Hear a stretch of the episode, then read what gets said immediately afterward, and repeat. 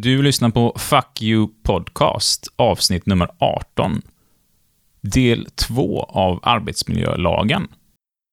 Du kommer lyssna på den ljuva stämman av Ronny Mattsson, som är regionalt skyddsombud på GS-facket, och mig, Isak Ekblom, en av programledarna här i Fuck You Podcast. Del 1 hittar du i avsnitt 17. Vi kickar igång och eh, startar mitt i här. It's a big fucking deal. What the fuck are we doing out here? I ask you, what in the fuck are we doing here? So what's the big fucking deal? What the fuck are we doing out here? I ask you, what in the fuck are we doing here? Vi går vidare i lagen. Det kapitlet jag kommer till nu, det kan vi nog ha ett avsnitt om. Så vi ska se hur mycket vi tar på Ja, det. Det är alltså, handlar om samverkan mellan arbetsgivare och arbetstagare. Och framförallt så kommer det in på det här med skyddsombud.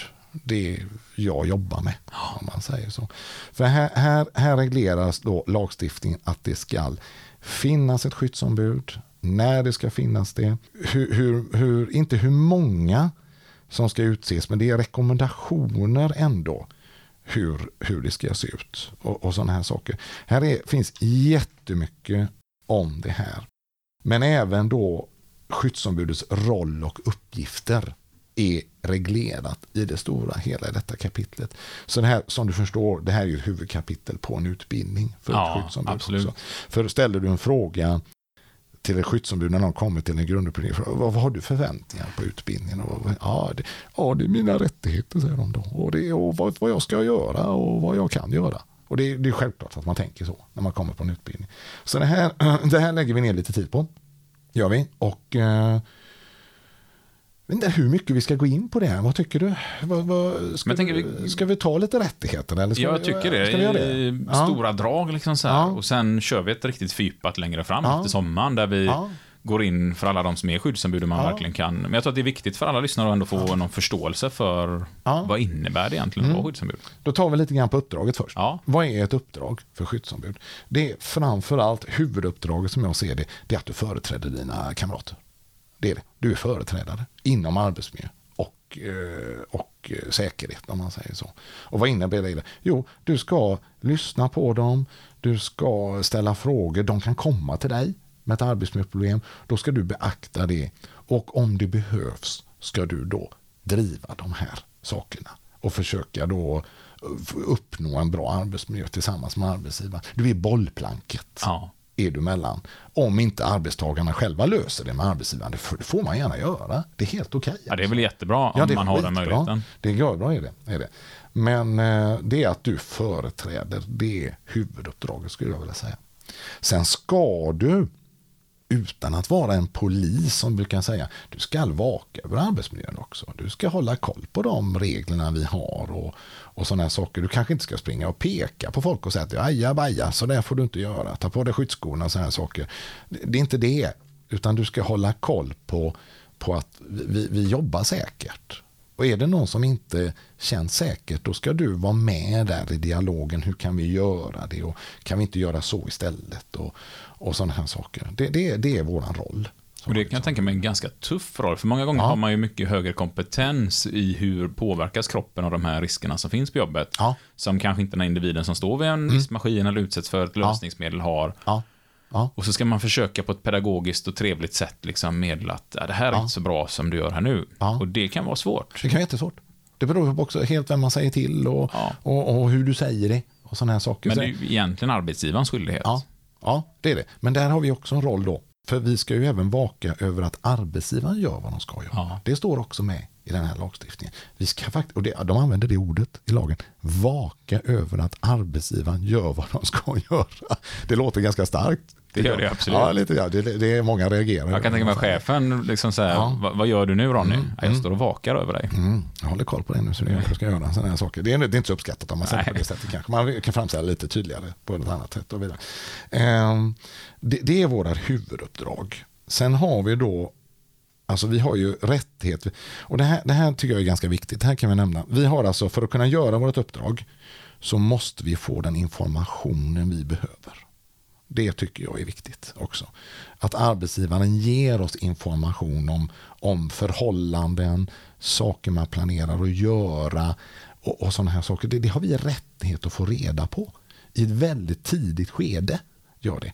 Och det, det, här, det, här, det här får vi utbilda i, för det här kan, det är oftast väldigt känsligt. Ja. Ja, och det här vi kommer in på lite grann, du nämnde det förut här tidigare idag, att det här med arbetsmiljö och, och, och fackliga, att man jobbar ihop.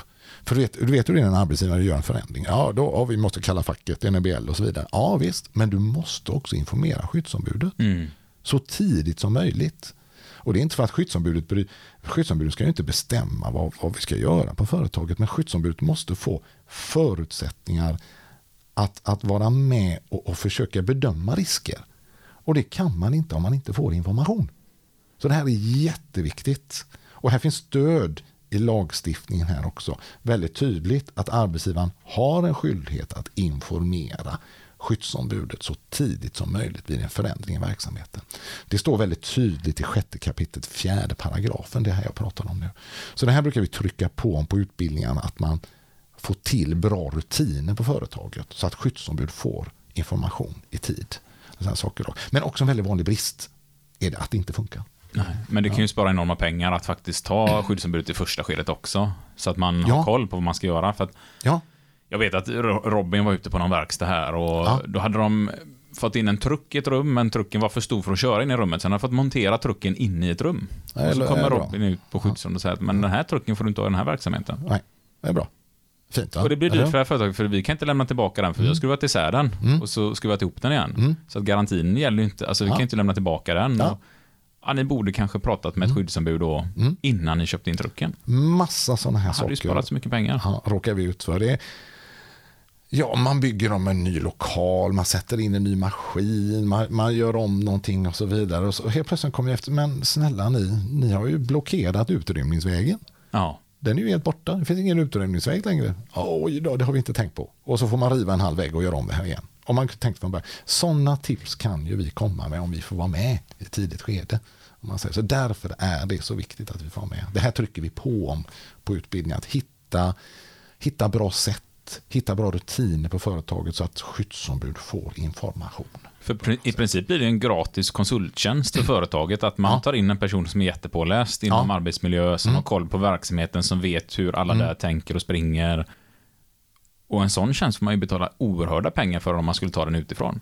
Jag måste få dra en, synd, eh, jag Ja. måste få dra en, en erfarenhet där. Ja. Det, det, eh, som regionalt skyddsombud, när jag är ute och besöker företag, så träffar jag många mindre företagare och de, de flesta är ju seriösa. Men, men en del är lite mindre seriösa. Men jag hade i alla fall en arbetsgivare jag be, besökte för många år sedan och när jag, han var jättemotståndare till mig från början. Han tyckte det här var skit, han var riktigt tråkig och avig och sådär och visade klart och tydligt att han inte tyckte om mig. Så jag satt en timme med han och gick igenom massa saker och jag märkte att han lättade. Så efter en timme, då, han, han var en sån där direkt kille, han Ja. sa vad han tyckte. Då, då lutade han sig tillbaka i sin stol och satte upp armarna så här lite bakom huvudet och så tittade han på mig och så började han garva. Så jag tänkte, vad är det med han nu? Vad vill han nu då? Fan, sa han. Det här är ju riktigt bra. Du, du är ju som en arbetsmiljökonsult. Ja. Ja, och du är gratis, sa han. Jag skrattar så gott åt det. Han, han, hade lite olika konstig syn på saker och ting. Men han fattar ju det här i alla Ja. fall. Och att, eh, vänta nu. Det här kan jag ju använda på ett bra sätt. Det här gynnar ju mig. Gör då. Och det här gynnar ju våra, mina arbetstagare. Ja. Det du kommer med här. Så han fattar ju till slut. Och vi hade ett jättebra förhållande sen. Ja, du, han var sån där som ringde mig ibland och sa du jag ska köpa det här. Alltså, Jag ska, är det något jag ska tänka på eller? Ja, men håll koll på det här då innan du gör det. Ja, skitbra Ronny, sa han. Gör bra, vi hörs. Alltså det där förhållandet vill vi gärna ha. Det tycker vi är bra. Ja, men absolut. Och det gynnar ju verkligen alla. Då gynnar Ja. det företaget, Ja, gynnar ja, individen, den anställde. Riktigt, riktigt bra är det va? Det är ju verkligen samverkan. Viktigt att vi får information. Viktigt att vi får delta, vi skyddsombud, i, i arbetsmiljöarbetet. Skyddsronder, riskbedömningar, eh, rehabsituationer ibland, eh, ombyggnader och sådana här saker. Att vi får möjlighet att delta och samverka. Då. Det är jätteviktigt. Är det. En, del, en del frågar då, rättigheter. Som jag vill nämna lite grann. Då. Ja, för att vi ska kunna göra vårt uppdrag så har vi rättigheter. Och det, det, det tycker jag är bra att nämna, för här har man insett lagstiftaren att vi måste ha rättigheter, för annars kan vi inte utöva vårt uppdrag. Så vi har rättighet att avsätta tid för uppdraget. Och det nämns faktiskt inte hur mycket. Gör det inte. Och det här blir många förvånade över att de hör. Alltså liksom, kan jag avsätta tid som skyddsombud? Ja, det kan du göra. Den tiden som anses nödvändigt för uppdraget. Det ska naturligtvis vara en balans i detta, självklart. Du ska inte eh, slösa med tid och sitta och dricka kaffe och sådana saker bara. Men alltså, du får, behöver du avsätta tid för ditt uppdrag så ska du göra det som skyddsombud. Och det, det är bra att ha med sig. Du har rättighet att få den utbildning du behöver. För du behöver kompetens som skyddsombud. Eh, du får faktiskt ha möjlighet fysiskt sett att ha en plats på företaget där du kan förvara dina eh, papper, eh, dokument eller vad det nu är. Och så vidare. Det här glömmer många av. Gör man. För det, det är så här, som skyddsombud, du blir, du blir involverad i mycket. Så någonstans så kan du Alltså jag säger inte nu att alla ska ha ett eget kontor. Det, det får ni faktiskt, ni som lyssnar, ni får ta mig på allvar. Ni har inte rättighet till ett eget kontor, ni som är skyddsombud. Men ni har rättighet att ha en plats på företaget där ni kan ha era grejer på något sätt, på ett vettigt sätt. Det, det är viktigt att påpeka. Är det. Och sen på många större företag så blir det kanske nästan lättare för företaget att faktiskt ge fackklubben, skyddsorganisationen ett rum Ja. som de kan ha. Ja. Men det är klart att jobbar man som vi pratade om för några avsnitt på en korvkiosk här, Ja. så är det svårt att Ja, begära att ha ett, ett eget rum. Ja. Ja. Däremot så vill jag påpeka att man har rättighet till att få den, den information, eh, vad ska jag säga, den, eh, de, de, de reg, tillgång till lagar och regler ja. och sånt som man behöver. Det ska, det ska tillses på företaget att jag som skyddsombud har möjlighet att söka information eller förvara information som jag behöver för mitt uppdrag. Den, vill jag också nämna. Och den brukar jag också nämna på grundutbildningen. Att ni ska, man ska tillse att ni har möjlighet att söka information. När jag började som skyddsombud, då, då var det här, ja, jag måste ha tillgång till alla AFSar. Och då skickar man efter alla AFSar som jag behövde varje år. Om det ändras sådana här saker. Men det finns ju andra sätt att söka information på idag. Så vidare som man kan tillse. Det, det, är, ju, det är ju en dator och en lina ut om man säger så. Skyddsombudet ska ha bra möjlighet att söka information när skyddsombudet behöver söka det. Det tycker jag också är viktigt. Det är en, det är en viktig rättighet att vi kan göra. Och det är sånt, för det kommer säkert komma in mycket frågor på det, men Mm. det här är en sån sak precis som i förtroendemannalagen, att man kan tänka lite på, beroende på hur stort företaget är, hur mycket Ja. tid man lägger på det fackliga, så är det ju här man kan Ja. hitta lite motivation till att ja, men jag skulle behöva en laptop eller en dator Ja. någonstans, och kanske ett rum eller en skrubb där jag kan ha detta. För att det är så här många timmar jag lägger varje dag. Eh, Och det är lite här vi hittar de stöden, men det är inte så klart och tydligt varken i arbetsmiljölagen eller Nej. förtroendemannalagen vad som gäller. nej, man har inte satt några gränser här. Och likadant telefon tycker jag är en fråga som ofta kommer. Har inte jag rätt som skyddsombud att få en telefon eller som fackligt Jaha, ombud? Ja, okej. Ja, jag har inte stött på den så jätteofta. Men ja, jag förstår vad du menar. Ja, och det väl återigen, då får man ju lite tänka, så hur mycket tid lägger man, Ja. hur stort är företaget, hur många är det som kontaktar dig på telefon, behöver Ja. du kunna on the go, liksom ha internet för att kunna läsa en apps i telefonen när du är ute någonstans. Det är lite så här ni får titta, så får man ha en dialog med företaget då. Det finns en nackdel med att ha telefon också. Vad är det? Att det ringer. Ja, att det ringer. Nej, att man Ja, alltså jämt ja. är anträffbar kanske. ja, ja. det var det jag menade. Och då kanske man faktiskt ska försöka ha möjligheter att man kan logga ur sig på den här telefonen eller stänga av den under vissa tider. Ja, ja. Nej, jag, vill, eh, jag, jag vill inte säga att det är fel, men jag vet om engagerade skyddsombud som har fått de här tillgångarna ibland, då, då blir det att de ska alltid vara tillgängliga. Ja. Och det, det, det är faktiskt en risk för dem själva. Är det, det, jag har sett sådana exempel. Har gjort då. Så För likadant som vi pratar om utbildningarna här om att eh, när vi, vi ska ju ta vara på den här skyddsombudstiden eller på den fackliga tiden mm, och inte sitta och göra annat eller dra ut på tiden och sånt. Men Mm. ibland kanske vi faktiskt behöver säga till på kurserna att eh, ni ska ju heller inte stressa ihjäl er för att hinna med allt för att ni vill göra tusen grejer extra och inte tar ut tillräckligt med tid eller vara anträffbara dygnet runt. att det är Mm. ja. viktigt att man håller på sina arbetstider och mm, när man är anträffningsbar så är man anträffningsbar. Man har Ja. möjlighet att faktiskt kunna sitta när man behöver förbereda någonting och göra det i lugn och ro. ja, ja, det här kanske låter konstigt för sådana som är lokala skyddsombud på ett litet företag eller fackliga företrädare på ett litet företag. Men det, det, vi, vi känner ju igen det här, Ja. du och jag, från större verksamheter. Det kan bli ett problem. Kan det bli till slut att du alltid är anträffbar. Så det, det är bra att nämna det. Ja. Får jag gå vidare? Ja, absolut. Ja, gör det. Nu kommer jag till något superintressant. Det är ju så här, alltså, när, när allting funkar bra, vi kan prata med arbetsgivaren, vi kanske till och med löser arbetsmiljöproblem med en, med, med, över en kopp kaffe. Va? Gör vi. Det är ju det bästa, naturligtvis. Vi ser ett problem, vi kommer på, vi är överens om en åtgärd, vi genomför den och vi följer upp den. Men ibland så funkar det inte. Det är ju så. Det är av någon anledning så tycker man att det är för stora åtgärder vi begär. Alltså man ser inte vinningen i det, men vi ser vinningen i det och, våra, och de vi företräder ser att det här är viktigt att ta i. Och då har man gjort bedömningen i lagen att skyddsombud ska kunna begära åtgärder.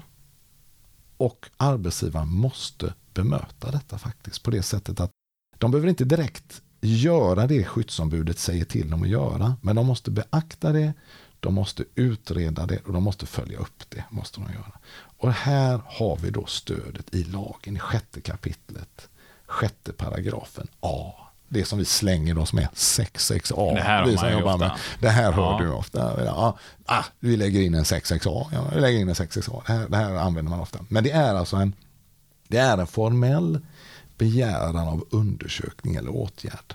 Och den, det är vi skyddsombud som har den möjligheten att gå in med en sån begäran på arbetsgivaren. Har vi göra.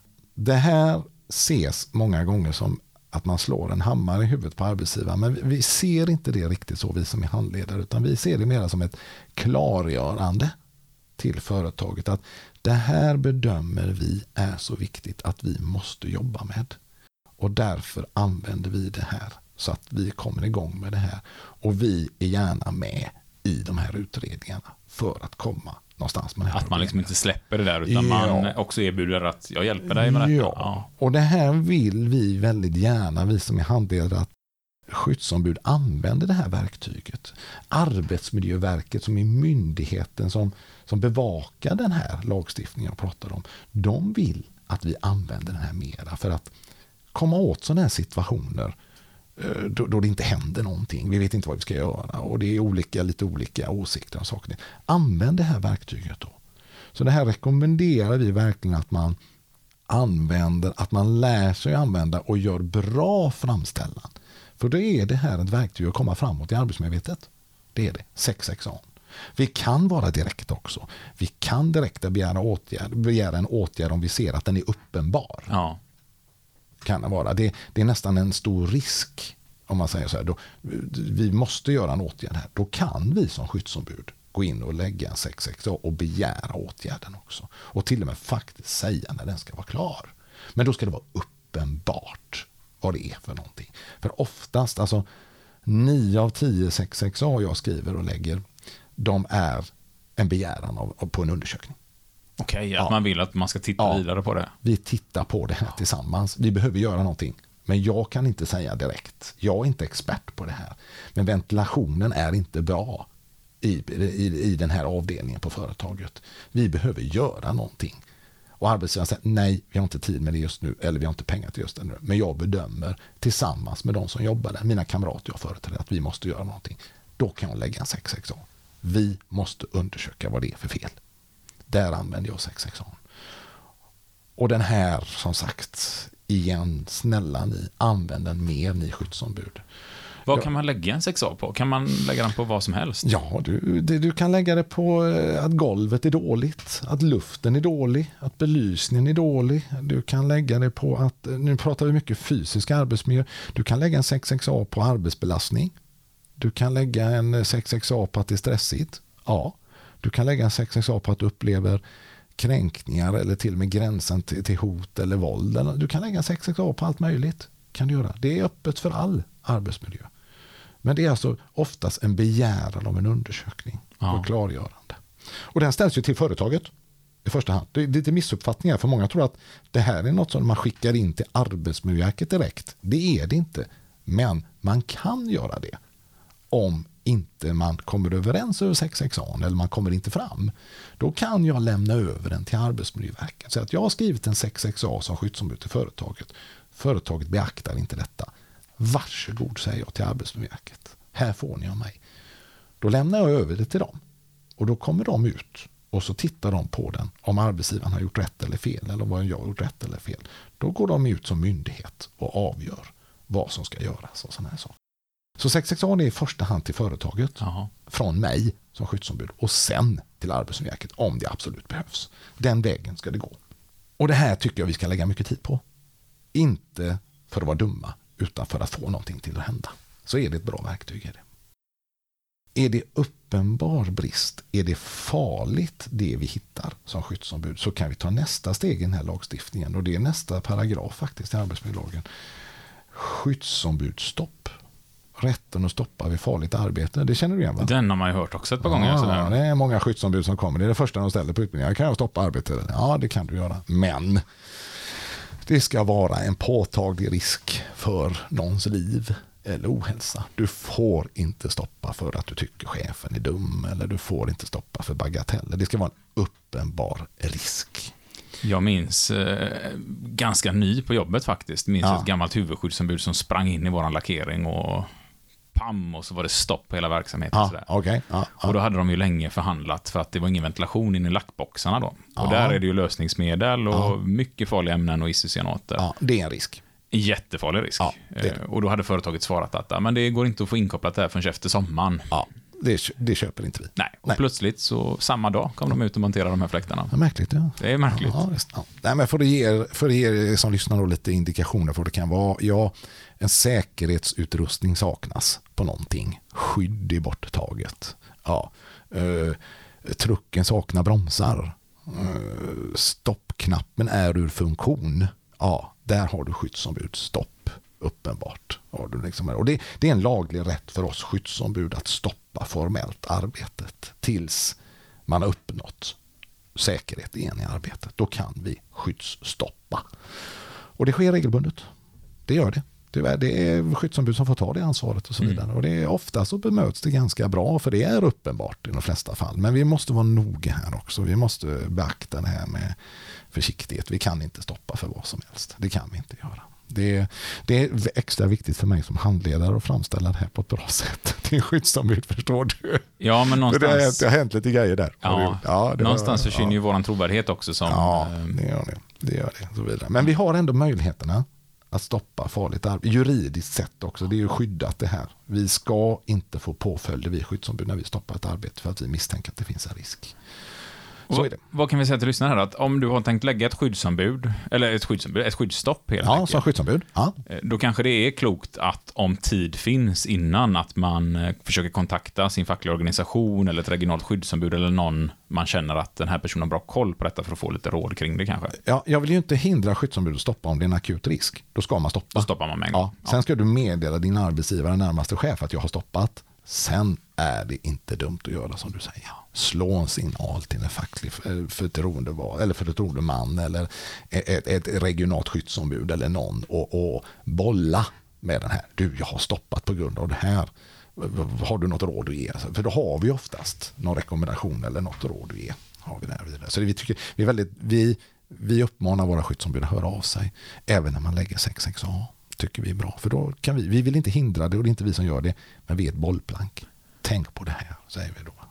Så det kan vara bra. Och jag vet att det finns en del lyssnare som har lagt skyddsstopp och det kan vara så här intressanta historier. Så att vi kan väl Mm. Ja. säga till lyssnarna här att ni som har lagt ett spännande skyddsstopp någon gång, ni kan väl Mm. mejla in till podden och tala om vad hände, hur gick det? Och så kan vi ta det i ett framtida avsnitt och Ja, lyssna på era historier kring detta. Ja, det är ganska aktuellt nu med coronan och det här inom kommunal och så vidare med skyddsombudsstopp. Och jag tycker det är, jag har sagt det förut ute i, i, i media faktiskt, när jag varit med, att jag tycker det är väldigt viktigt. Jag tycker det är väldigt bra att de vågar ta sitt ansvar. För det här berör ju människor. Vi sitter och snackar mycket om maskiner här, du och jag. Ja. och sådana saker. Det, det är ganska lätt med maskiner. Det här är ju människor de pratar om. Och det är inte så lätt för ett skyddsombud inom vården att lägga ett skyddsombudsstopp och man slutar att vårda människor på grund av det här. Så det här är jätteviktigt att vi stödjer de här förtroendevalda skyddsombuden nu som vågar ta ansvar inom vården. Det är jätteviktigt att de känner stöd av oss andra också. Jag vill påpeka det om och om igen. Är det, för de har en enormt tuff situation. Har de idag. Ja, man är ju glad att den fackliga organisationen har blivit så pass stark att vi Ja. står bakom ombuden. Om man tänker Ja. tillbaka på alltså 100-150 år i tiden när man kanske blev svartlistad. Man la ett Ja. skyddsstopp, så var man svartlistad sen och fick inte ett arbete i hela landet. Ja, ja. Nej, jag, Hur mycket jag, längre vi har kommit idag. Jag då som själv verkar inom industrin, jag står gärna upp och jag står bakom de här och stöder de här Ja. skyddsombuden inom Kommunal nu verkligen. Det, och det, det känns väldigt, det känns bra att göra det. För de har kanske en sån situation som vi aldrig upplevt tidigare.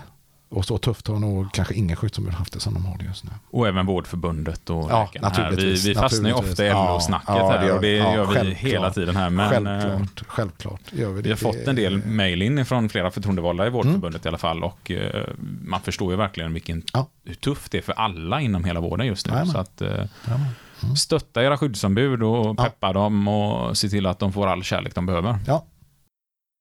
Jag vill avsluta kapitel 6 här med en kort sak eh, som står reglerat här. Och det är eh, när man har en liten större verksamhet, när man är mer än 50 som arbetar på ett arbetsställe, då ska det enligt lagen och det här kapitlet bildas något som man kallar för en skyddskommitté.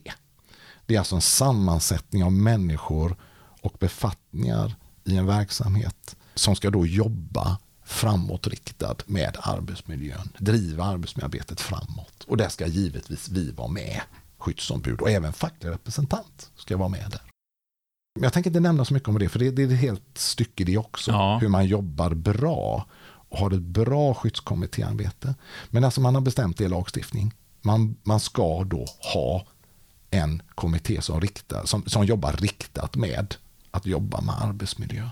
I, och här, här är också något som vi har satt rätt mycket fokus på uh, de sista åren i, i, i kurser och sådana här saker. För vi se, vi ser, det blir oftast någonting på pappret bara, förstår du. Och det är inte bra. Det, det, det ska vara någon mening med skyddskommittén. De ska, de ska kunna fatta beslut, de ska kunna driva arbetet framåt, de ska kunna följa upp det och så vidare. Och det, det, tyvärr har det inte funkat så bra på alla ställen. Så här ser vi också en förbättringsmöjlighet. vi. Jag ville nämna det. Ja, men jag, jag skriver upp här, för det tycker jag låter som ett kanonavsnitt, här, skyddskommittés avsnitt, Ja. längre fram i podden också. Ja, det är inte bara en skyddsfråga. Det är också en facklig fråga. Är det tycker jag. För där ska facket vara med. Där, är- där är mycket om man tar upp liksom förändringar i verksamheten och sen också. Då, då kommer man till facket också där. Så där ska vi vara med alla parter och så vidare. Och det gynnar ju också ofta företagen att slippa behöva köra all information två gånger Ja. och slippa ha dubbla möten och sådär. Att vi kallar in båda organisationerna och i många fall så är det ju ofta samma Ja. organisation Mm. och personer. Ja. Ja. Men jag stannar där med det kapitlet. Jag tror det är glasklart. Och vi går vidare här i arbetsmiljölagen. Kommer till eh, tre stycken avslutade kapitel i den här nu. Och det, det här är, de riktar sig mycket till tillsyn och sådana här saker. Men jag tycker det är lite intressant ändå. Och liksom, vad kan det bli för påföljder? Det här är en lag. Vad händer om man bryter mot lagen? och såna här saker. Så det kan vara intressant att veta. Kapitel 7 det är, alltså, det är riktat också till myndigheterna hur de utövar sin tillsyn. Alltså hur, hur inspektörerna besöker företagen och vad de gör när de besöker företagen. Och vad de, och vad de använder för lagstiftning som stöd när de ställer krav. Så det, det kapitlet hoppar jag över ganska snabbt. Men kapitel 8 påföljder, det, det kan vara lite intressant att veta för alla. Vad händer egentligen om en arbetsgivare bryter mot den här lagen? För gör, gör de det och en inspektör från Arbetsverket kommer ut och ser detta, då rapporterar de till verket att här är en lagstiftning som arbetsgivaren inte följer. Då får de ett krav på sig, oftast en liten tid på sig, att rätta till bristen. Det kan vara en månad, det kan vara två månader, det kan vara tre månader. Det beror på lite grann allvarligheten i det hela. Men de får ett krav på sig, de får ett meddelande till sig att du måste göra detta inom denna tiden, annars blir det påföljder. Ett inspektionsmeddelande. Vi skyddsombud, vi måste vara med när verket kommer ut. Vi har en rättighet att vara med och vi har rättighet att få dokumenten och allt det här. Så där har vi en, en roll. Och även då, de ska ju stämma av oss vad vi tycker och tänker och sådana här saker. De, de har en skyldighet att göra det. Så det kan ju vara bra att påpeka. Eh, men annars så är det så här att skiter då företaget i detta, då lägger verket oftast ett, ett vitesbelopp eller en, en, en, ett bötesbelopp gör de då på x antal kronor beroende på hur allvarligt det är och vilka regler de bryter mot. Så man kan få böter. På för, ett företag kan få 20 000 kronor, 50 000 kronor, 150 000, upp till en miljon kan man få i böter för att man bryter mot lagstiftning. Men sen kan de också då se det så allvarligt, brottet, så de lämnar vidare till åtal. Och då lämnar de alltså till domstol för avgörande. Och då kan man bli fälld för arbetsmiljöbrott i Sverige. Och man kan alltså få straff därefter. med, med, med dom.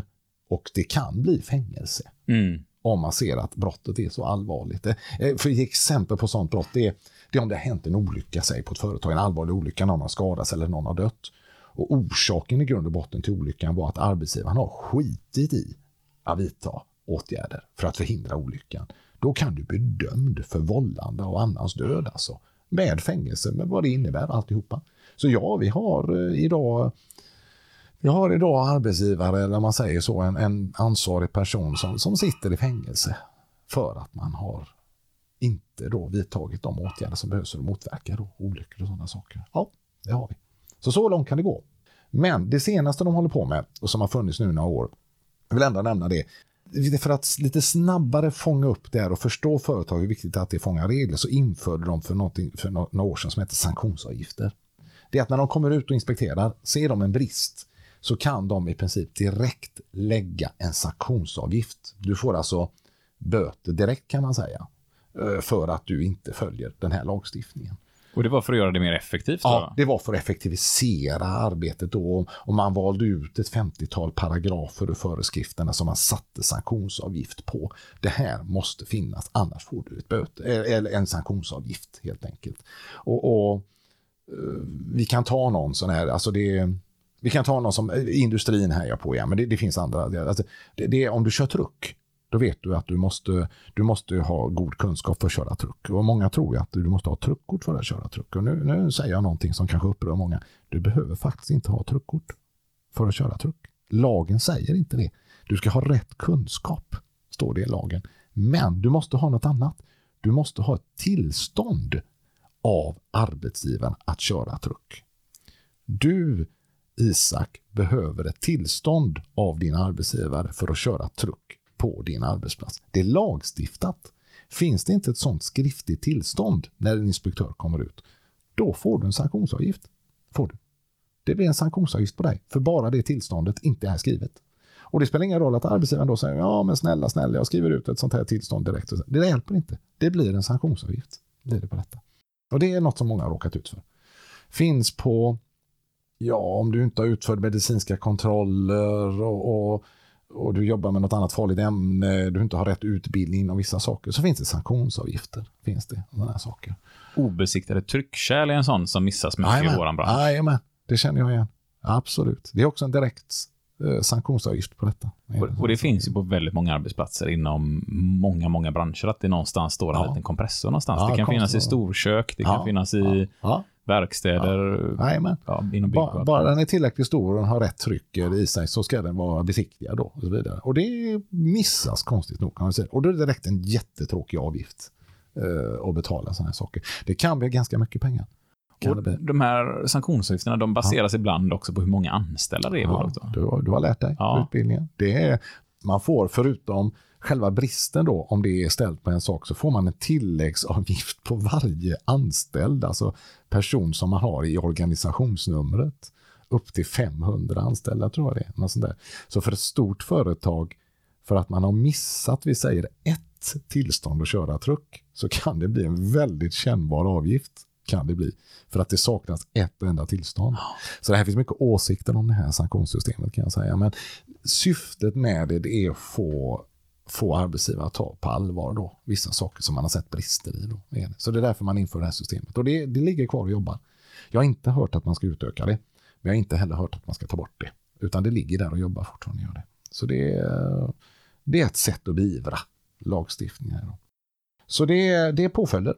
Det kan bli för att man bryter mot lagen sista kapitlet, kapitel 9, det, det går jag över ganska snabbt också. Det, det ger en berättigande att överklaga Arbetsmiljöverkets eh, eh, vad heter det, utlåtande eller, eller domar och sådana här saker. Det, man har satt en sån där. Man har möjlighet att överklaga. Vi, vi som skyddsombud, vi kan överklaga, även om Arbetsmiljöverket har bestämt, så här är det, så har vi rättigheten att överklaga så att det prövas en gång till om det är något som vi vill driva. Det, det händer inte så ofta. Vi har gjort det någon gång, men det, det är inte så ofta det gör. Så Arbetsmiljöverket har formellt liksom inte, de är inte högsta instans i det här Nej, läget? nej, nej. Utan det är ju, det är ju då eh, den domstolen som berörs av fallet. Då? Där har du arbetsmiljölagen i korta ord. Jag vill kort nämna också, för till arbetsmiljölagen så finns det ett komplement som heter arbetsmiljöförordningen. Det glöms av många gånger. Det är ett komplement som har kommit till efteråt. Kort och gott reglera lite grann om skyddsombudsverksamheten. Där står det också att det ska göras skyddsronder. Står det. det är ett komplement till SAMMen om man säger så, där man ska, man ska undersöka förhållanden i sin arbetsmiljö. Och det ska man göra genom skyddsronder. Så det står reglerat här. Det står lite grann om den här skyddskommitté som jag nämnde förut, hur det ska, vad en sån ska göra och hur ofta de ska sammanträda och lite grann och så vidare. Och så står det lite reglerat att eh, då man ska anmäla olyckor om det sker olyckor då till verket. Det är ett komplement. Är det. Men glöm inte av den. Den finns där, så det brukar vi gå igenom lite grann på utbildningen när vi håller också. Där har vi grundlagstiftningen på arbetsmiljö. Har vi. Kortfattat, men väldigt väl genomgånget tycker jag. Jag känner att jag Ja, det har... kändes okej, eller? Jag har lärt mig massa grejer här. Har du gjort det? Ja, det har jag. vad bra, vad glad jag blir. ja, vad bra, härligt. Ja. Ja, det, är, det är alltså, nu med åren när man pratar om det här, det, det är oftast bättre att gå igenom lite kortare först, för att sen jobba sig in i den. Det är, det, det är den taktiken vi har lagt upp på utbildningarna, som, i alla fall de utbildningar jag är in- involverad i, att man, man, man gör en liten kort genomgång och sen får man jobba sig in i den som skyddsombud lite grann. Man får lite konkreta fall och då hänvisar man till den kapitlet där och så jobbar man så ett tag och till slut så sitter det där lite grann då. Så vidare. Mycket bättre än den upplärning jag fick av konsulten som stod och läste rätt upp och ner en dag. Det var inte mycket som gick in där kan jag säga. Utan att hänga ut någon. Ja, precis. Det var länge sedan. Det var många år sedan. Var det. så, sett. så så ser det ut. Härligt. Ja. Och det är ju en ganska tjock bok, Arbetsmiljölagen. Ja, ja, det är det. Får jag ge ett litet tips? Ja. För jag tycker det är faktiskt bra att ge tips. Och det här är inget, det här är inget företag jag ger ut nu, men det är så här att arbetsmiljölagen finns i olika utgåvor. Och, och lagstiftningen, lagtexten är ju likadan i alla. Men jag tycker det är väldigt bra ibland att få hjälp att tolka lagtext. Du, du vet hur det är med lagar. Det, det kan vara svårt och det står någonting, men hur tolkar man det där, säger man då. Och då är det så här att det finns en organisation som heter Prevent. Och anledningen till att jag nämner den, det, det är att vi, alltså parterna på arbetsmarknaden, Svenskt Näringsliv och, och tjänstemannafacken och LO-facken äger Prevent tillsammans. Och deras uppgift är att jobba med arbetsmiljö. De har utbildningar, de förser då oss med material, eh, böcker, checklistor och alla sådana här saker.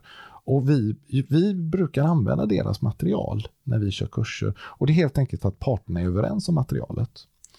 Och när det gäller arbetsmiljölagen och arbetsmiljöförordningen så rekommenderar jag gärna Prevents utgåva och det är just bara för att man har förutom lagstiftningen lagt till en kommentar där man då alla par, gemensamma parter har försökt då att förklara lagstiftningen lite grann. Vad är det egentligen som står här? Och den här kommentarerna har visat sig vara till jättehjälp för många skyddsombud att tolka liksom vad som står i lagtexten. Så den här, jag tycker den är bra. Jag brukar varmt rekommendera den. Och jag, jag, det känns okej eftersom parterna är överens om det. Det är ju jättebra. Så ty, tycker jag det känns okej. Jag vet man också att den information man sitter på är Ja. någonstans korrekt. Man är överens om detta på Ja. arbetsmarknaden. Sen kan det vara Ja. så att man vill driva vissa saker till sin spets ändå, för Ja, det kanske ja, inte har prövats, men man har ändå grunden att utgå från. För att problemet när man letar på internet ibland, speciellt inom juridik eller inom här då arbetsmiljölagen, det är ju att eh, man vet ju inte vad är det för syfte med personen som har skrivit det, vem har skrivit det, vem ligger Just bakom det. Just det. Mm. Man kanske söker på någonting som har med arbetsmiljö att he, heta och så hittar man Mm. en arbetsgivare någonstans som har skrivit själv en hemsida under ett annat namn Mm. eh, där de tycker att det där är inte så noga med arbetsmiljö. Och så går man på den informationen. Så att Det är ju bra att ha en bok där någonstans båda parter är överens. Så att Ja. Det är så här vi försöker jobba med frågorna. Ja, ja. Och därför så använder jag gärna Prevents material. Jag ska erkänna det, jag gör det. Men det, jag är inte ensam. Vi kör, vi kör ABF, använder Prevents material. Eh, de här, den här eh, utbildningen som vi körde igång på Viskadalens folkhögskola här i närheten nu, vi använder Prevents material. Det, det har parterna godkänt. Så därför tycker det, vi, kan vi ha det som bas. Så det är väldigt att ha bra på. Men den här använder jag själv den tycker jag är bra. Så jag brukar rekommendera nya skyddsombud. Ta denna, på hjälp av kommentarer. Och Kan man få tag på den boken Ja. hur som helst? Den kan vem som helst beställa från Prevent. Ja. Gärna. Eh, kostar en slant. skulle jag tro. 300 spänn eller någonting. Men den är väldigt, väldigt bra. Men då kan man kanske prata med sin arbetsgivare eftersom det stod någonstans i lagen att man skulle ha möjligheten att tillgå information och sådär. Man ska prata med sin arbetsgivare om detta och arbetsgivaren ska hjälpa till när det gäller det här. För det här är väldigt bra. Så jag brukar säga det till skyddsombud att det är ett par exemplar till varje företag. Det brukar vara bra. För jag tycker arbetsgivaren ska ha tillgång till det här också på ett bra sätt. Där säger du någonting jätteviktigt, att man faktiskt försöker hjälpa chefer och kanske mellanchefer Ja. med det här för att någonstans är det ju de som hamnar i fängelse om det går riktigt illa ut. Ja, det, Och det vill vi väl kanske nu, var inte du, nu var du drastisk. Men, Ja. ja. Ja, ja, men det är ju så. Ja, men det, det är Och klart vi Många har ju inte ja. koll på detta chefer. Jag tycker att Nej. en stor del av vårt arbete när vi är ute, det är också att informera mellanchefer om vad Ja. som ligger under deras ansvar. Och när de får förståelse för det så blir de, oj shit, herregud, Ja. ni får komma hit och hjälpa mig från skyddsorganisationen, för jag har ingen Ja. aning kring de här grejerna. Och då får man en väldigt bra samverkan. ja, Och det är liksom inte hota dem att du kommer hamna i fängelse, men alltså ändå förklara att ja. du har ett arbetsmiljöansvar, så att det här måste vi hjälpas åt och se till att det blir bra, så att inte du blir illa drabbad här. Ja, jag utbildar ju skyddsombud, informerar, introducerar skyddsombud, men i min roll som regionalt skyddsombud så är mer, det, det är mer att jag, int, att, att jag utbildar, informerar arbetsgivare om deras ansvar, om deras eh, roll i arbetsmiljöarbetet. För det är oftast där det brister, att de inte har rätt information. Det är inte det att de är dumma och elaka och onda. De har inte rätt kunskap av vad de ska göra. Så där har vi, där har vi en väldigt viktig roll, vi som regionala skyddsombud, tycker jag, att vara informativa och sådana här saker. Och, och, och det, det är under utveckling faktiskt, tycker jag. Vi har blivit bättre på det, vi regionala skyddsombud. Vi, vi har svängt där lite grann från att vara elaka poliser till att bli mera informativa utbildare och, och, och informatörer på ett bra sätt. Och vi vinner faktiskt på det. Vi vinner på det. Ja. Har jag bra, här säger jag något som jag, sånt här som jag tjatar om också. Har, har jag som ett regionalt skyddsombud eller ett skyddsombud bra förhållande med arbetsgivaren så får oftast mina medlemmar och medarbetare det bättre. Jag når längre med det. Jag, ibland går det inte. Nej visst, då får vi säga ifrån och då får vi använda våra verktyg. Men absolut målsättning att uppnå en samverkan med arbetsgivaren hela tiden, det gynnar oss mer. Gör det. det har vi klara, tydliga eh, exempel på, att det funkar på det sättet. Och kanske även påtala här om både svenska modellen och arbetsmiljölagen att vi vill Ja. ju ha det så här i Sverige och det är vi överens om från båda parter för att vi vill Ja. tävla om kunskap och kvalitet. Ja. Inte tävla om vilka kan ha billigast lokaler med sämst utrustning och Mm. tjäna så mycket pengar som möjligt. Och, och ska, om vi ska dra det hela mer ur ett, ett eh, fackligt perspektiv så, så arbetsmiljö, eh, vi ska använda det. Det är svårt att säga nej till bra arbetsmiljö. Det är svårt att säga nej till att vi ska inte ha några olyckor på vår arbetsplats. Alltså det, den, det, det är ett bra verktyg att använda. För det, det, ingen kan ju nästan säga nej till det. Och så vidare. Men det är en facklig fråga. Ja. Det är det i allra högsta grad. Och är det någon som kan förändra på arbetsmiljön i Sverige så är det vi. Det är vi fackförbund, anser jag. Vi är nog den parten som kan ändra mest inom arbetsmiljön nu. Och som också står kvar i vart och torrt. Oavsett vilken regering som sitter så finns man där och företräder. Även om man stiftar om lagar så finns vi där och företräder. Ja. Och det är viktigt att det finns i ett samhälle. Vi har ju parter som gärna vill ändra på det här förhållandet. Ja, så är det ju. Alltså, vi pratade om, för något avsnitt här Ja. så pratade vi faktiskt om det här Ja. om att man har i riksdagen lagt upp motioner om nollvision mot dödsolyckor på Ja. arbetsplatsen. Som Ja. vissa partier har sagt nej till. Man Ja. vill inte införa nollvision mot dödsolyckor.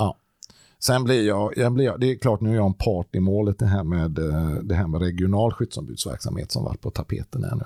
Det, det kom ju ett eh, lag, eller det kom ju ett förslag här nu till att vi skulle få utökad rätt att besöka företag. Alltså jag som regionalt skyddsombud, jag får besöka företag där det finns medlemmar idag.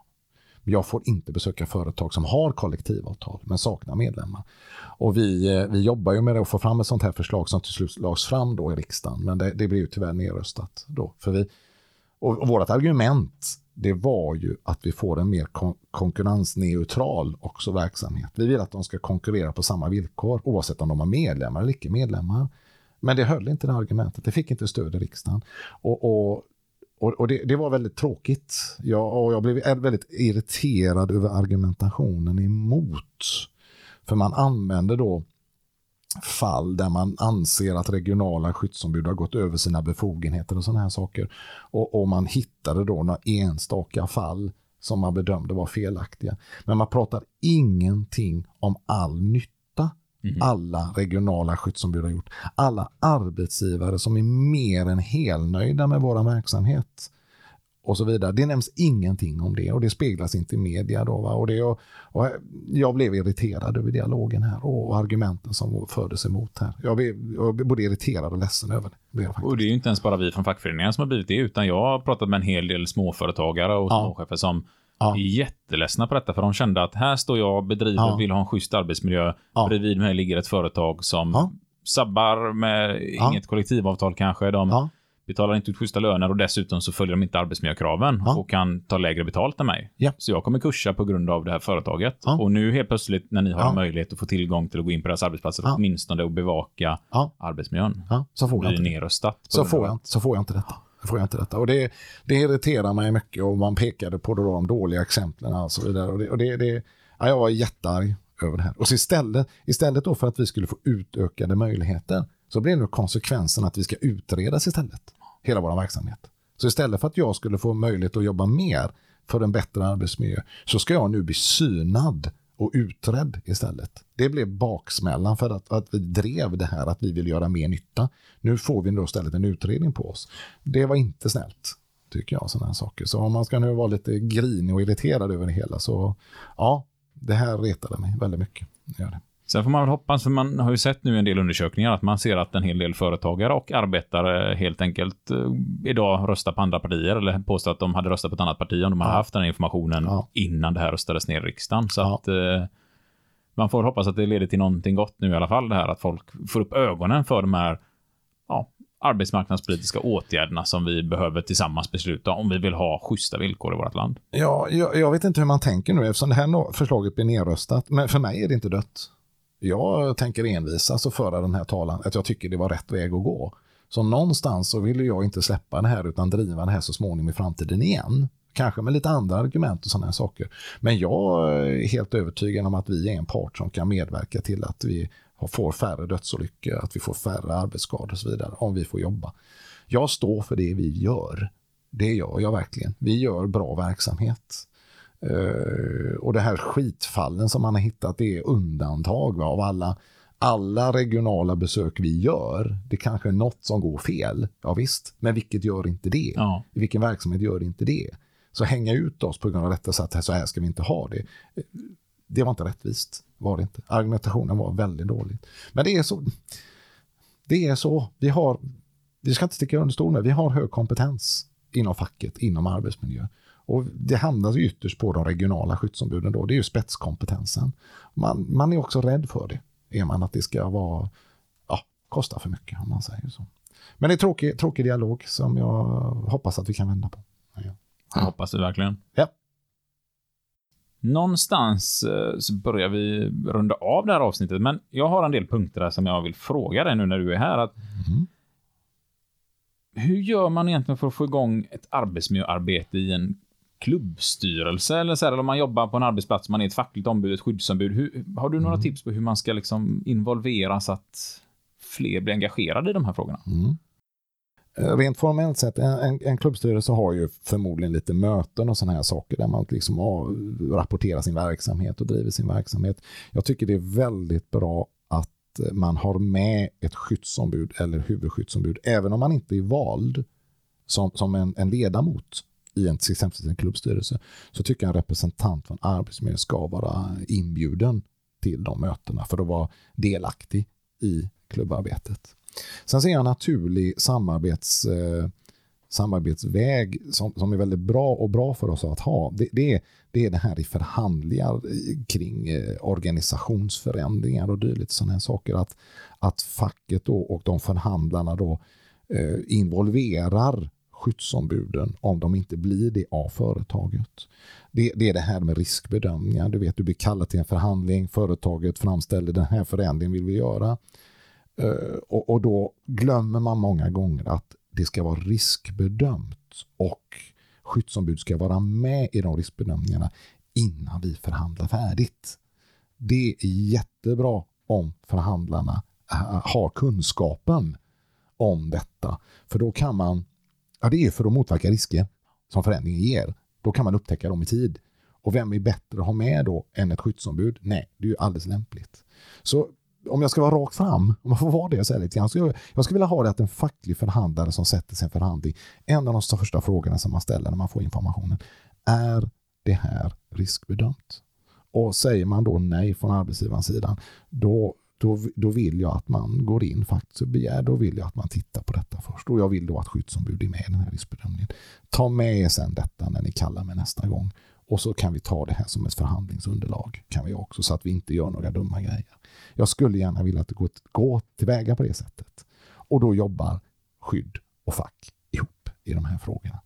Jag hade velat se mer sånt arbete. Jag tror att det där gör världens skillnad för att under Ja. en riskbedömning kan man ju hitta nu är jag ju långt ifrån expert på riskbedömningar, men där hittar man ju så mycket argument och man Ja. hittar så mycket lösningar och risker. Och, Ja, alltså där någonstans är det nästan så att en förhandling kan lösa sig under själva riskbedömningen. ja, Att man, liksom, man hittar allting så att oj, ja, men det här gick inte att genomföra. Eller ja, men det här går att genomföra, men vi måste tänka på de, alla de här grejerna. mm. Så jag upplever ju att när vi har gjort korrekta riskbedömningar på mitt jobb så går Ja. ju förhandlingen på någon sekund. För att man har redan svar på alla frågor och har löst alla frågor. helt riktigt. Helt riktigt. Och det har många arbetsgivare insett det här.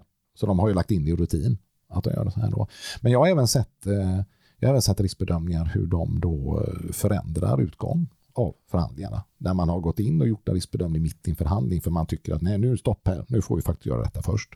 Och då har utgångsläget varit då eh, ett, men det blir ett annat efter riskbedömningen. Det har alltså fått direkt påverkan på utslaget av förhandlingen. Så därför är det viktigt att det görs. Alltså, alltså att bara frågan ställs först när man går in i förhandlingen. Behöver vi göra en riskbedömning? Hade man gjort på det sättet hade jag varit jätteglad. För Ja. Jag tror man har upptäckt mycket saker. Så här, här, här, här är det också här är det viktigt att de fackliga också då har en liten grund i arbetsmiljö. Det är jättebra. Är det. Och även då att skyddsombuden har en liten grund i, i förhandlingsarbetet. Alltså lite åt båda håll skulle jag vilja ha. Så det här är något som vi ser, vi som håller på med, med utbildningen här, att det här är nog ett område som vi ska utveckla i framtiden mer. Så vi kan utbilda fler fackliga och fler skyddsombud i det här, hur man kan jobba på ett bra sätt tillsammans. Det tycker jag låter jätteklokt. Japp. Vårat huvudskyddsombud har ju faktiskt sett till att alla i vår styrelse, de är skyddsombud. Ja, en klok man. Är man åker runt bland verksamheten så ska man kunna se arbetsmiljöbrister. Man ska kunna gå in Ja. och stoppa om man ser att något riktigt, riktigt Ja. allvarligt händer någonstans. Ja. Och alltså det har ju gett mig otroligt mycket i förhandlingstekniken och Mm. gått detta. Mm. Och på likadant så tycker vi ju att alla våra skyddsombud, de ska gå förhandlarutbildningar för att sitta i en riskbedömning. Det blir ju en form av förhandling också. Ja, men det är det. Och man ska Ja. lära sig lagstiftningen där runt omkring så att man inte arbetsmiljömässigt, ja, men man tar bort Mm. de kanske fysiska riskerna, men man Mm. bryter mot arbetstidslagen. Mm. Den är ju inte kanonbra.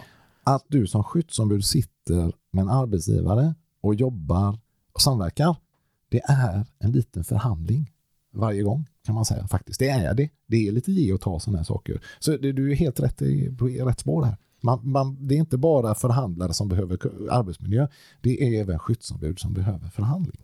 Helt riktigt tycker jag. Ska vi, ska vi sträcka ut hakan så långt att vi ger lite skäll till de stora fackförbunden här och säger att eh, lägg om era utbildningsplaner så att vi alla går samma grejer kanske till och med. Jag tror det finns goda intentioner redan nu på det här. Jag, jag, jag vet att det finns intentioner på att utveckla de här utbildningarna. För de finns redan. Eh, vissa förbund har gått långt i det här och har jobbat jättebra i det här. Men man behöver sprida det och utveckla lite grann. Men det är på rätt väg. Och till dem, jag sitter ju själv i en studiekommitté där vi jobbar mycket med utbildning. Mm. Och vi har ju haft problem att det är många arbetsgivare som inte vill att skyddsombuden ska gå utbildningar hos fackförbunden och lära sig om skyddsombud. Utan de säger att Nej, men vi har företaget erbjuder en egen utbildning på det här med att vara skyddsombud. Ja. Och där trycker vi ju på väldigt mycket med det här då att ja, men det kan man göra, men Mm. då får ni inte med fackföreningens tänk i det hela. Så då får ni gå de här utbildningarna också. Ja. Eller utöver det får ni gå dessa utbildningar. Ja, då det, det tror jag är helt rätt tillvägagångssätt. För jag, det blev lite så här i början när jag såg att de här utbildningarna kom och jag, tyckte, jag blev inte nöjd med dem. Då sa jag att de utbildningarna ska inte våra skyddsombud gå. Men det blev lite svårt att hålla den argumentationen. Så därför har vi nog övergått till att ja, visst, låt dem gå de utbildningarna, men då får de gå de här också som vi ordnar på det sättet. Vi går den vägen istället och den är nog bättre att driva tror jag på det sättet. Och då får de ännu mer utbildning skyddsombuden, så det är väl bra. Tycker jag är rätt väg att gå. Ja. Sen nämnde du lite i förbifarten här att det hade kommit Ja. en nyhet här som jag inte hade en aning om själv här Ja. eh, gällande studier att LO och Svenskt Näringsliv hade gjort någon... Ja, ja. Eh, och eh, kort lite grann historik. Förut så har eh, parterna kommit överens att subventionera utbildning inom arbetsmiljö. Det har varit subventionerat tidigare flera omgångar, men det har eh, varit i perioder och nu har vi haft en period då det inte har varit subventionerat och då har det hetat så eller är så, att arbetsgivaren får betala alla kostnader för en arbetsmiljöutbildning. Men det här har funnits en drivkraft att man hittar en lösning på det här. Så man har suttit och förhandlat med organisationerna och de har precis gjort en ny överenskommelse. Det kom ut nyheten i morse, gjorde det. LO, TCO och PTK har kommit överens med Svenskt Näringsliv att pumpa in 75 miljoner kronor till, till eh, alla som vill utbilda sig inom arbetsmiljö med start ifrån 1 januari 2021. Och de här 75 miljonerna är då utspridda på tre år. Om de räcker så långt och så vidare. Eh, det är en överenskommelse man har skrivit på här nu också. Så det ser jag väldigt positivt på.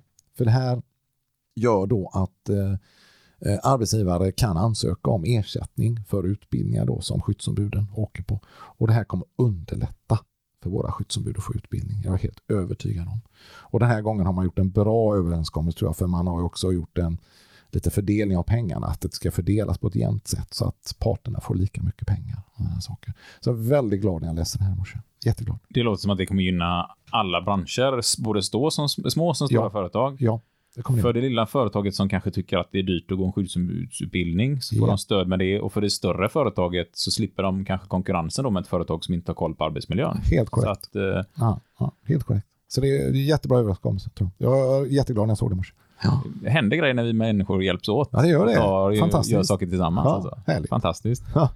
Om man nu då känner så här att eh, det här verkar ju svinspännande att vara skyddsombud och tycker det är kul. Ja. Hur, hur går man tillväga om man vill bli skyddsombud? Grunden för att bli skyddsombud, det är, det är i grund och botten att man har ett intresse. Man, man har ett intresse för arbetsmiljö och, och, och arbetsmiljöfrågor och säkerhetsfrågor. Och då ska man anmäla sitt intresse till den fackliga organisationen man har. På lokal nivå om man har en klubb och på avdelningsnivå då om man inte har någon klubb eller, eller en part. Då, då ska man anmäla sitt intresse. Det, det viktiga vi ser eh, då när vi får reda på sånt här det är att vi, vi känner att personen ska ha förtroende bland arbetstagarna. Det är egentligen den enda grundförutsättningen. Förtroende och lite intresse så kan man bli skyddsombud. Kan man bli. Vi tillser ju att de får utbildning. Det, det, det, man undrar ibland som skyddsombud kanske att liksom, ja, men hur ska jag få rätt förutsättningar nu? Det hjälper ju vi till med. Det här med utbildning och stöd och sådana här saker. Och för att bli skyddsombud ska du veta det att du lämnas ju aldrig ensam. Vi finns ju alltid kvar. Vi regionala skyddsombud och vi, vi fackliga finns där för att stödja verksamheten. Du, du är ju inte ansvarig för arbetsmiljön. Du är en tillgång och resurs, är du. Och så vidare. Så det, det är jag, jag kan, det är ett fantastiskt uppdrag, ett fantastiskt fackligt uppdrag. Och framförallt så är det, du kan göra skillnad. Det är det som är, det. Är, det som är glädjande mest. Det är, det som jag har sett genom alla år när jag har haft den här rollen. Du gör sån himla skillnad där ute. Minns du varför du själv tog på dig att bli skyddsombud? Ja, det gjorde jag. Eller det gör jag, rättare sagt. Eh, Jag jobbade i en organisation där man hade skyddsorganisation, men eh, det hände en del olyckor. Och det var framförallt en stor olycka och jag då la mig i efteråt varför hade man inte den här kunde undvikits den här olyckan, såg jag. Och jag, då, vid det tillfället, jag var inte fackligt engagerad. Jag, hade, jag var ju med i facket och sådana här saker, men, jag var inte, men det, det, gjorde, för det skapade faktiskt mitt engagemang inom facket. Att jag, jag, jag kunde inte hålla tyst. Jag sa ifrån, det här kunde vi motverkat. Hade vi gjort det här och det här och det här. Och då tittar ju alla på en och säger, men varför är du inte skyddsombud då? Ja, ja, ja visst. Då kan jag bli det. Så jag gick in och testade. Det gjorde jag helt enkelt. Och där började det. Det är många år sedan. Många år sedan. Ja. Hur länge har du hållit på med detta? Jag vill inte berätta. jo, jag blev skyddsombud. eh, Jag blev skyddsombud 99, 2000. 20 år har jag hållit på med det. Jag gjort det. Och då tänkte jag så här, för det är ju som så att tyvärr så minskar ju andelen skyddsombud bland, eh, i Sverige, rent allmänt. Ja, Eh, Men vi ser ju otroligt roliga nyheter. Exempelvis så har sedan 2012 till 2020 så har akademikerna, deras fackförbund, ökat Ja. med 47 procent antalet skyddsombud. det är en grym ökning. Det är helt fantastiskt. Ja. Vad tror du att man behöver göra för att liksom locka folk för att ta på sig ett skyddsombudsuppdrag? Framförallt förklara att man inte ansvarar. Man ansvarar inte för arbetsmiljön. Det, det, det råder lätt, eh, när man tar på sig den här rollen så får kompisarna tror oftast, ja ah, men nu när du blir skyddsombud så får du fixa det här. Det är inte jag som skyddsombud som fixar det. Det är alltid arbetsgivaren. Jag har däremot möjlighet att lägga mig i vad som ska göras och jag kan ha rättighet att driva det också, vad som ska göras. har det. Så det, det tror jag är den vanligaste orsaken att eh, man inte tar på sig rollen. Sen är det viktigt att vi stödjer skyddsombuden också, vi som håller på med det här mycket, att de får avsätta tid. För organisationen är så slimmade idag så att allting är så pressat så det finns ingen tid över. Skyddsombud har all rättighet i världen att avsätta tid. Och det här ska informeras tidigt när ett skyddsombud väljs, hur det här ska funka. Och i större organisationer så jag emotser ju att man hittar till och med lösningar med avtal om hur mycket tid som avsätts i grund och botten. För då vet alla vad som gäller. Arbetsgivare, medarbetare, skyddsombuden själv vet vad som gäller. Den här tiden kan jag avsätta, det är sanktionerat. Då får man en, det blir mer lugn och ro i arbetet och man kan göra mycket bättre arbete som skyddsombud när man gör sådana avtal. Men man har allt stöd i världen att göra det. Och bara för att förtydliga, då, då pratar vi liksom den avsatta tiden. Sen om det händer grejer därutöver så har man givetvis rätt att ta ut ännu mer. Självklart, och det framställs väldigt tydligt i lagstiftningen också. Att det ska funka på det sättet. Ska det göra. Men ofta så får skyddsombud ingen tid alls för sitt uppdrag, utan det sker på lite övertid och lite vid sidan av och sådana här saker. Och jag tycker inte det är okej. Det ska avsättas tid. Och så vidare. Man har all rätt att göra. Så jag är ganska noga med det nu när man är med och introducerar nya skyddsombud så där att man har en dialog direkt med arbetsgivaren. Och det är ju väldigt bra att vi hjälper till. Vi som kan det här och vet om det då får de klart och till sig. Det här är okej, så här ska det funka. Från början, sån här utbildning behöver de och den här tiden behöver avsättas. Så där, där blir vi bättre också på att stödja skyddsombuden. Men återigen, vill du göra skillnad i ditt arbetsliv, vill du göra saker och ting bättre för dig själv och kompisarna, snälla ta på dig uppdraget. Det är ett fantastiskt uppdrag. Och om vi ska prata om ditt egna förbund och GS. Ja. Vad ska GS göra för att fortsätta utveckla organisationen och den fackliga, liksom, vad är din bild av det här tycker jag vi ska göra för att nå framgång? Oj, oj, oj. Det är en, det är en tuff fråga. Det Ja, en avsluta med fråga. sen till våra gäster. Mm.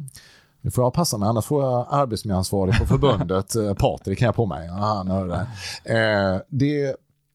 Det finns eh, mycket att göra. Vi har ju avtalsområden som är ganska utsatta för olyckor i skogen och även då sågverk och träindustrin. Vi har ju mycket skador. Har vi då. Vidare. Eh, vi, vi, vi måste fortsätta det vi pratar om här, för vi har för få skyddsombud. Har vi. Vi måste värva fler. Vi har väldigt många företag som saknar skyddsombud, men som ska ha skyddsombud. Så det är väldigt viktigt att vi värvar nya skyddsombud. Och sen så, alltså, vi, vi har väldigt många småföretag i GS-förbund. Nu pratar jag enbart GS-förbund. Ja. Ja. och det gör att de regionala skyddsombuden har en viktig roll. Det är så bara. Vi ska ju egentligen inte behöva vara ute så mycket om allting är bra. Men vi har, det är bara att inse, vi har en väldigt viktig roll. Så jag, jag, jag och jag tror att Patrik här som är ansvarig på förbundet håller med mig att vi behöver utveckla den regionala skyddsombudsverksamheten. Vi behöver ha fler regionala skyddsombud. Vi behöver ha regionala skyddsombud som kan flera avtalsområden för att göra mer besök helt enkelt. Behöver vi göra. Och eh, vi har planer på att utveckla detta. Men det är, ja, vi måste hitta intressanta, eller vi måste hitta personer som vill ta på sig uppdraget också. Gör det. Och det, är- det är tufft idag. Jag är, jag är för all beundran som de som på sig rollen som skyddsombud och regionala skyddsombud idag. Att de avsätter tiden och verkligen står för det och vågar ta den rollen. Men de är, de är hjältar i vardagen, de som gör det.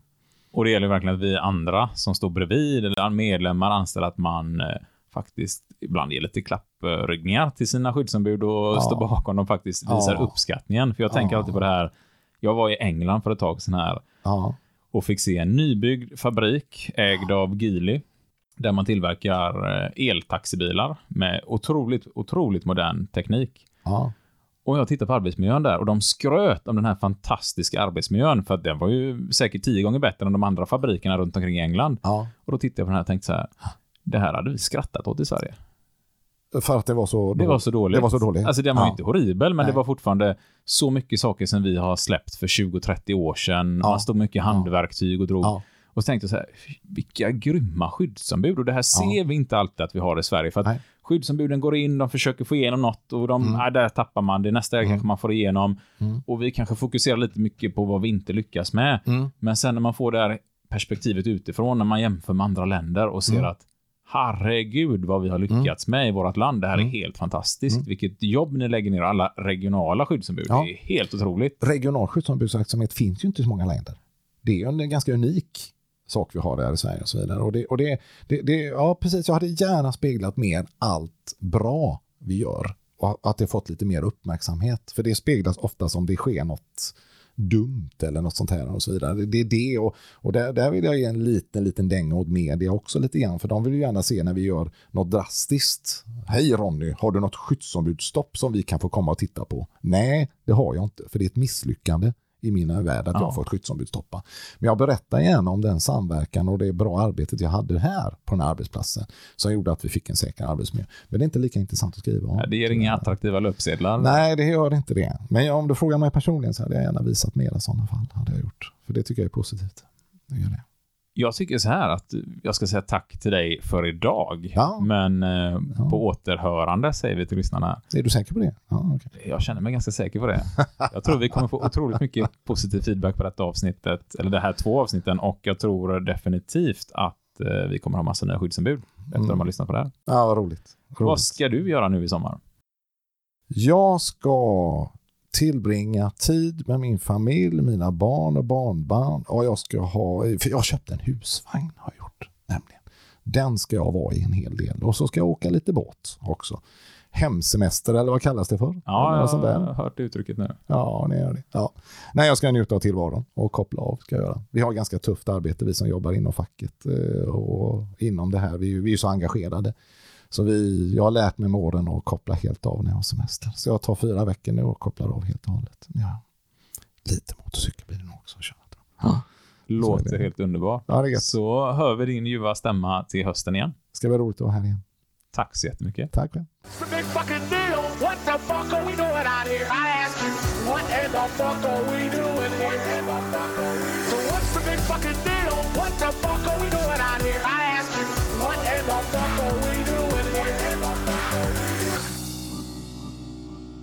Och det här var avsnitt nummer 18 med Ronny Mattsson ifrån GS-facket och mig Isak Ekblom.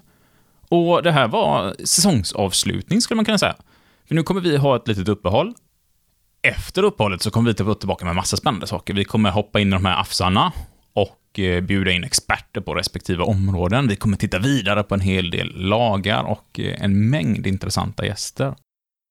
Fortsätt gärna att dela och sprida den här podden som ni redan gör. Det är helt fantastiskt. Vi har inte haft möjligheten att resa runt och dela ut den här nu på grund av rådande omständigheter. Men det har ni gjort och ni fortsätter att göra det och det är helt fantastiskt. Vi är så tacksamma över detta och alla som går in och följer oss på ja, alla sociala medier. Det är helt otroligt roligt. Det är sånt som får oss att orka engagera oss och fortsätta lägga ut avsnitt. Det här är otroligt roligt. Otroligt roligt. Så att vi längtar redan till eh, hösten. Hoppas att ni gör det också. Var ni än är och vad ni än gör nu i landet.